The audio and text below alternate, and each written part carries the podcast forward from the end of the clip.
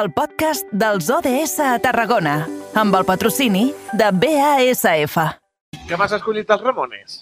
Sí, mira, em venien de gust. Em venien de Ah, gust. bé. És un grup que, mira... No, no, Ramones en mi equipo siempre. Sí, no? doncs mira, el Espíritu dels Ramones realment no té massa relació amb el que explicarem ara, però mira, crec que el Ramones també anima i és que passem als nostres estimats ODS, ja ho sap la, la gent que ens escolta, els objectius de desenvolupament sostenible que ens agrada des de carrer Major, òbviament, que hi feia una estona els dimarts i dijous doncs, per veure si realment s'estan complint aquí a casa nostra. Avui aprofitarem que va ser el diumenge el Dia Mundial de l'Ictus per parlar del curtmetratge Codi Ictus. Podem englobar doncs, això dins de l'ODC número 3 dedicat a la salut i al benestar. Per parlar-ne tenim amb nosaltres la directora d'aquest curtmetratge, la Marielinda Bonan. Hola, molt bona tarda. Hola, bona tarda. Gràcies per tenir-me aquí amb vosaltres. Res, a tu per, per concedir-nos aquesta estona. Primer de tot, com sorgeix la idea de Codi Ictus? A veure, és una experiència personal. La meva mare el 2018 va tindre un ictus eh, i al final, quan algú té un ictus, tota la família no, doncs, també ho viu a la seva manera.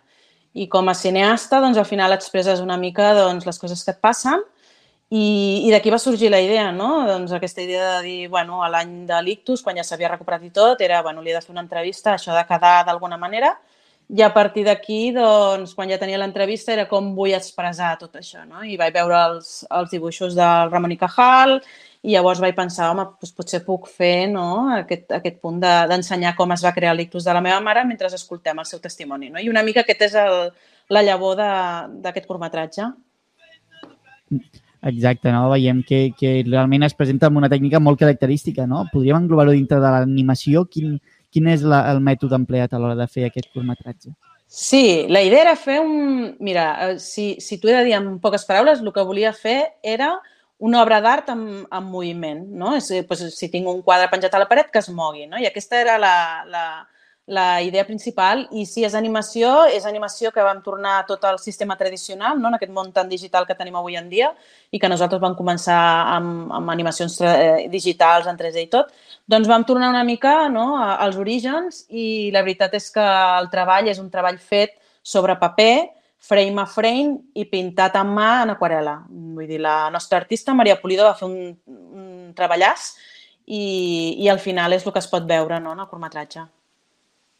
Sí, I de quina manera es podria dir que influeix aquesta manera de treballar, aquesta posada en escena a l'hora de transmetre el missatge que, que en aquest cas volies transmetre? Sí, la idea, sobretot amb aquest curtmetratge, i que sempre li poso l'etiqueta d'experimental perquè no té una narrativa clàssica, era sobretot, per una banda, eh, transmetre emocions no? i sensacions, que sigui una, un, una peça molt sensorial, i després també una, un cert punt divulgatiu, perquè amb tot el procés de creació del curtmetratge vaig parlar amb moltes persones que havien patit ictus i això, i, i costa molt que, que les persones donin testimoni, no? perquè a vegades arrosseguen seqüeles i no costa no? ficar-se davant d'una càmera i parlar d'això.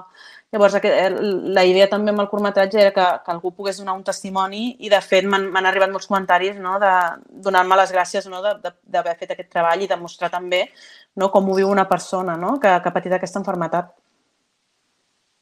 Per tant, llavors podríem dir que realment potser encara en, ens falta una mica no? conscienciar sobre l'ictus, les seves conseqüències. La gent potser, a vegades, no? si es troba en una situació doncs, de- de- d'emergència, potser inclús no sap com, com reaccionar o inclús com, com, com adonar-se no? dels símptomes que presenta la persona que l'està patint. Exacte, pensa que és el que em va passar a mi, no? en la meva experiència personal.